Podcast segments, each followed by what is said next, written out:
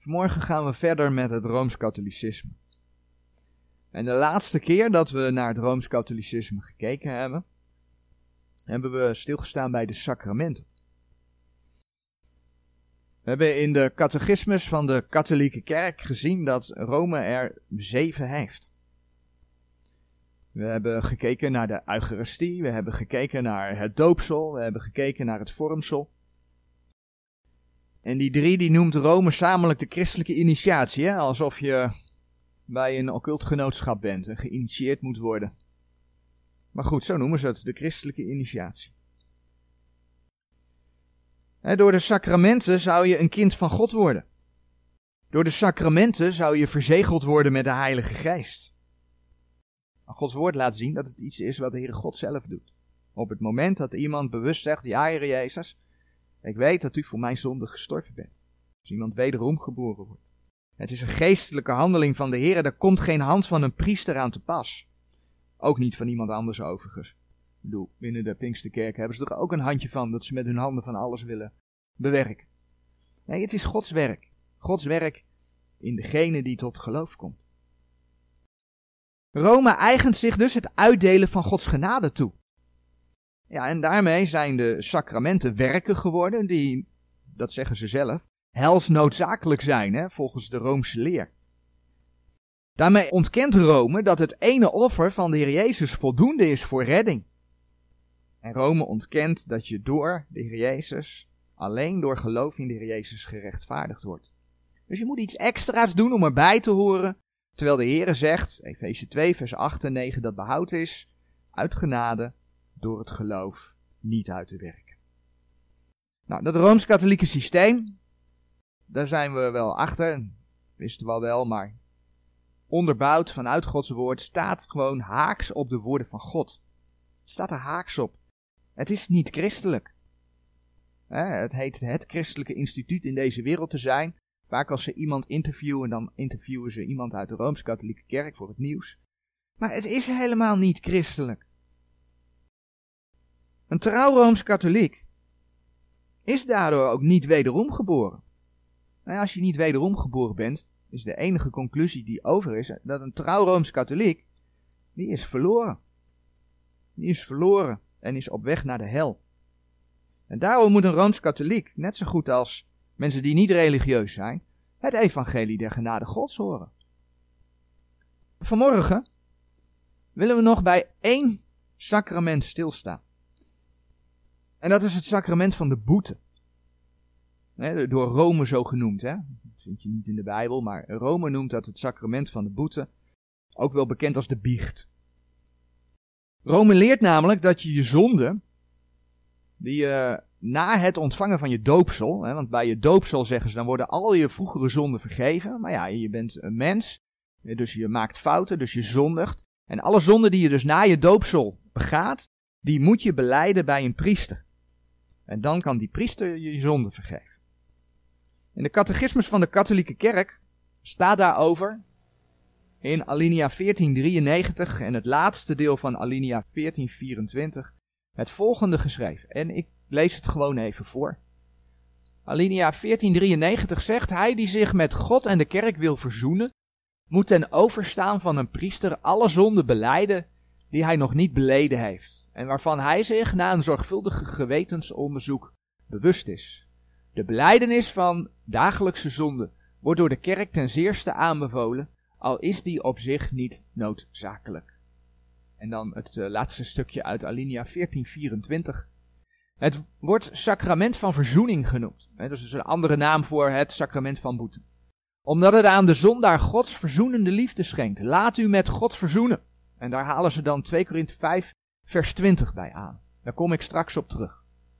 Hij die vanuit Gods barmhartige liefde leeft, is bereid om gehoor te geven aan de oproep van de Heer. Ga u eerst met uw broeder verzoenen. Net als met de andere sacramenten, zoals het doopsel, het vormsel en de eucharistie, heeft Rome zich ook met het sacrament van boete toegeëigend dat zij handelingen voor God verricht. Met andere woorden, wil je van je zonde vergeven worden door God, dan moet je volgens Rome voor een priester al je zonden beleiden. Nou, teksten uit de Bijbel die men daarvoor gebruikt zijn bijvoorbeeld Johannes 20, vers 22 tot en met 23. Nou, die teksten, die zag je niet in die citaten die wij net hadden, maar zoek je alinea 976 op in de catechismus van de katholieke kerk, dan kom je dat tegen. Zij gebruiken Johannes 20, vers 22 tot en met 23 om dat te verdedigen. En laten wij die teksten lezen. Kijken wat Gods woord zegt. In Johannes 20, vers 22 en 23 lezen wij. En als hij, de Heer Jezus, dit gezegd had, blies hij op hen. En zeide tot hen, ontvangt de Heilige Geest. Dit is de Heer Jezus tegenover de discipelen. En als hij dit gezegd had, blies hij op hen en zeide tot hen, ontvangt de Heilige Geest. Zo gij iemand zonde vergeeft, die worden ze vergeven. Zo gij iemand zonde houdt, die zijn ze gehouden. Eenzelfde soort tekst vind je met betrekking tot Petrus in Matthäus 16, vers 18 tot en met 19. De Jezus zei dit tegen de discipelen. En aangezien Petrus de eerste paus zou zijn, zegt Rome dus dat het zonder vergeven voorbehouden is aan de priesters. Maar dat houdt ook in dat als je zonden niet door een priester vergeven zouden zijn, dat ze je dan dus gehouden zijn, hè, zoals de schrift zegt. Dan zouden je zonden dus blijven bestaan. Dus zou je inderdaad ten alle tijden een rooms-katholiek priester nodig hebben om je zonde vergeven te krijgen. Dan zie je de macht die de rooms-katholieke kerk zich toegeëigend heeft. Te meer dat als mensen dus gehoorzaam zijn, dat ze allemaal naar de priester komen in dat hokje, het biechthokje. En de Rooms-Katholieke Kerk weet dus alles van zijn onderdanen. Moet je eens nagaan wat een macht dat die kerk heeft. want uh, mensen gaan er dan vanuit dat de priester eerlijk is in het ambt van God. Nou, ik denk dat wij uit allerlei voorbeelden die in de maatschappij gebeuren, weten hoe eerlijk die priester is. En dat komt natuurlijk omdat die priester van de Rooms-Katholieke Kerk niet onder God, de schepper van hemel en aarde, God de Vader, zijn zoon Jezus Christus staat, maar dat hij staat onder de God van deze wereld. De God van de leugen. Maar die macht heeft dus Rome over zijn onderdaan. Maar wat zegt Gods woord? Ik bedoel, feit is dat die teksten die we net gelezen hebben, dat die in Gods woord staan. Dat hebben we net gelezen. Johannes 20, vers 22 en 23. Maar betekent dit inderdaad dat een priester nodig is om je zonde vergeven te krijgen? Want dat is de uitleg die Rome eraan geeft. Als je over een macht wil spreken, macht om zonde te vergeven, is de vraag of deze macht alleen bij de twaalf apostelen lag. Want het punt is dat dit gezegd wordt door de Heer Jezus als hij met de discipelen samen is. Maar wie zijn de discipelen? Niet alleen de twaalfen, in dat geval op dit tijdstip na de opstanding, Judas had zichzelf verhangen, de elfen. Niet alleen de elfen waren bij elkaar, maar er waren veel meer mensen bij elkaar. Dit is op de dag dat de Heer Jezus is opgestaan. Nou, over diezelfde dag, laten we Lucas 24, vers 33 erbij opzoeken, lezen we het volgende. Lucas 24, vers 33.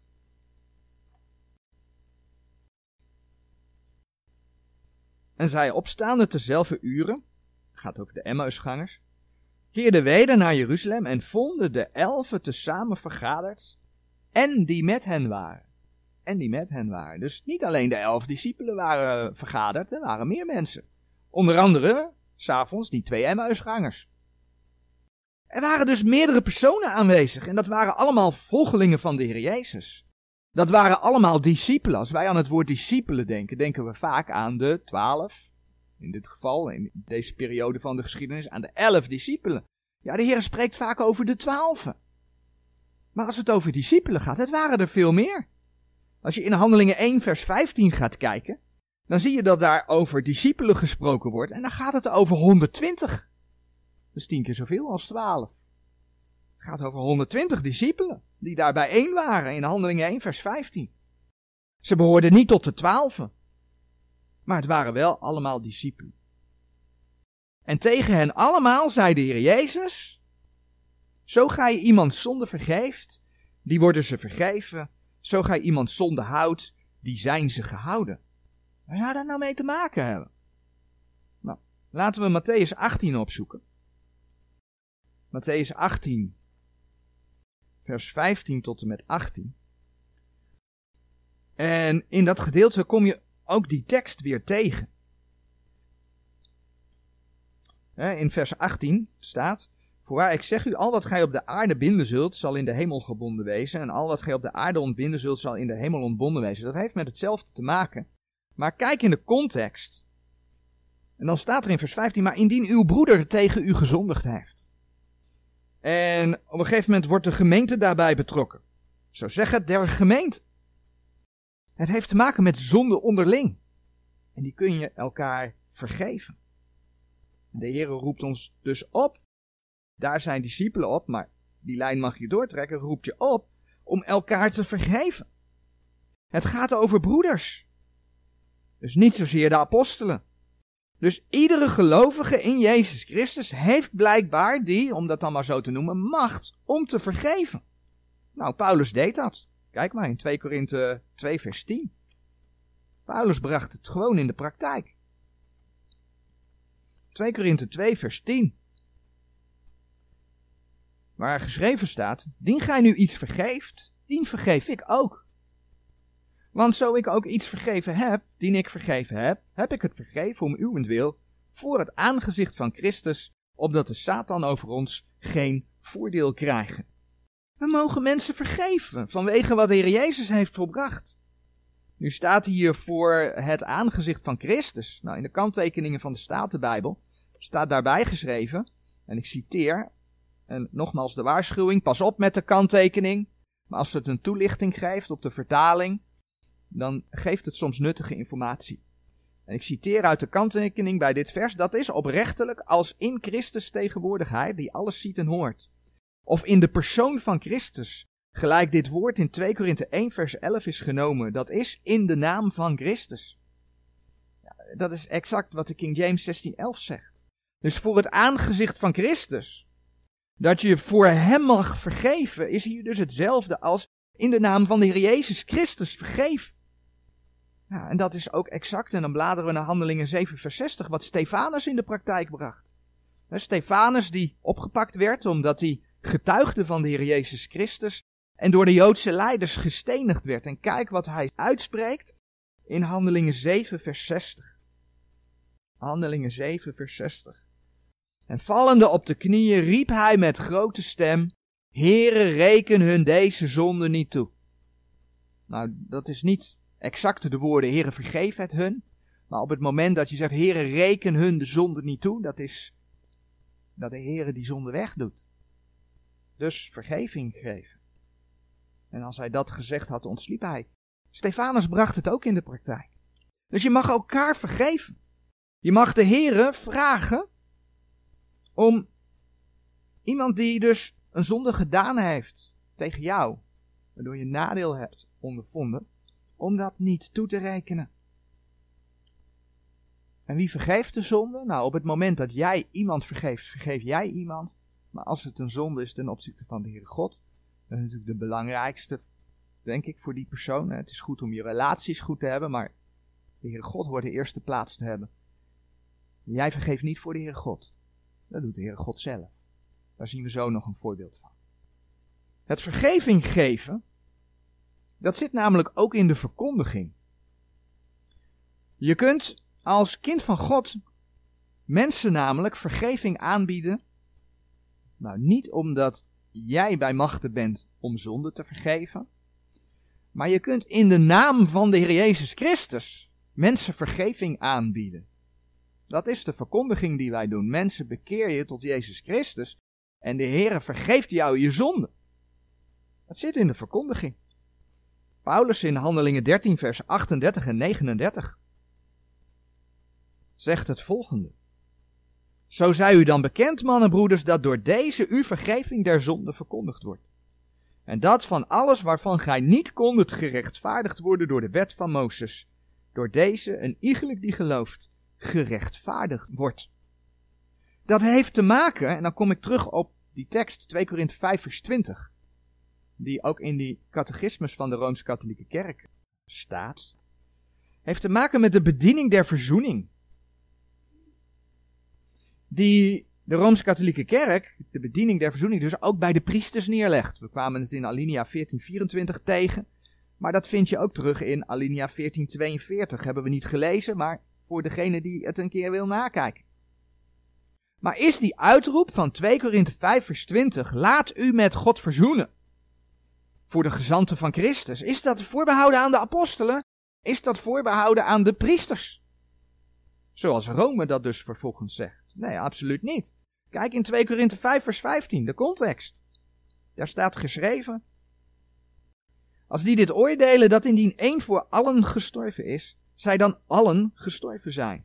En hij is voor allen gestorven, opdat degenen die leven niet meer zichzelf zouden leven, maar dien die voor hen gestorven en opgewekt is. Dit vers gaat over alle wederom geborenen. Alle wederom geborenen in de Heer Jezus. En dan gaat vers 16 verder met wij. Zo dan wij kennen nu aan niemand naar het vlees. En vers 17 zegt dan, zo dan indien iemand in Christus is, die is een nieuw schepsel. Het oude is voorbij gegaan, zie het is alles nieuw geworden.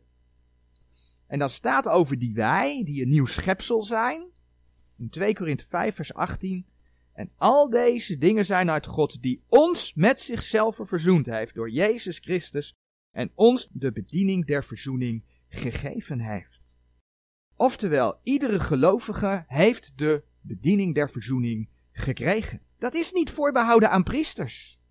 En dat betekent dat iedere gelovige volgens 2 Korinthe 5 vers 19 en 20 een gezant van Christus is. En dus dat iedere gelovige mag uitroepen, laat u met God verzoenen.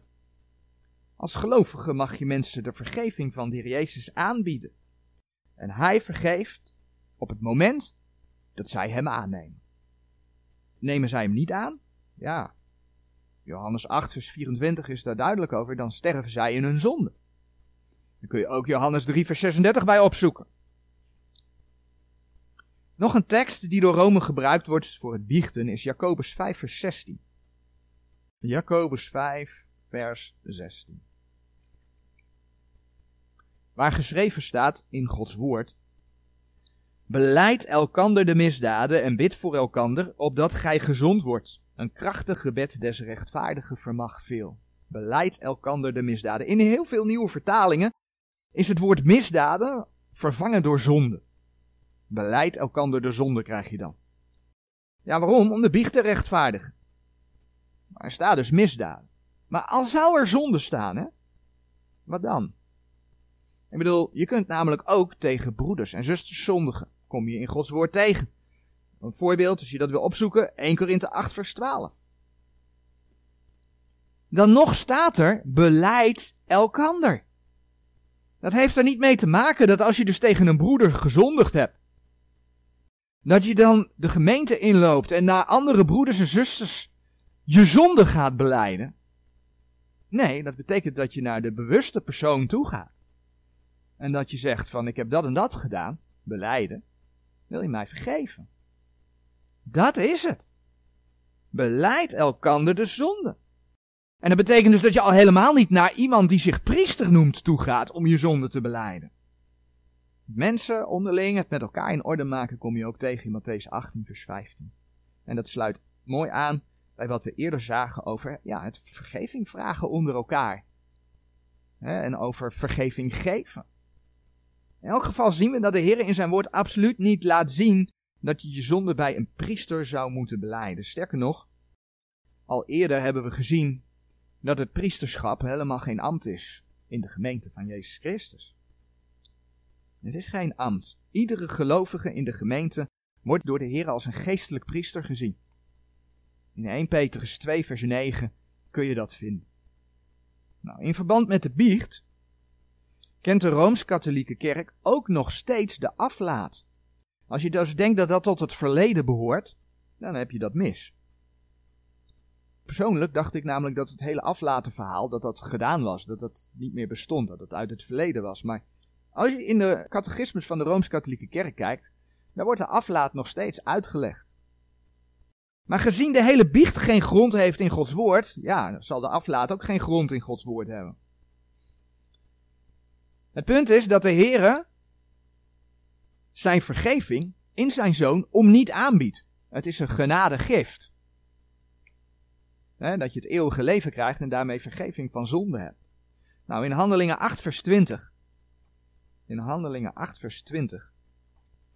We gaan zo een, een klein stukje uit die catechismus zien. Waardoor je inderdaad ziet, ja, de aflaten die komen ook nog steeds voor. Handelingen 8, vers 20 zegt, maar Petrus zeide tot hem, uw geld zij met u ten verderven, omdat gij gemeend hebt dat de gave gods door geld verkregen wordt. Ja, boe. Duidelijke woorden.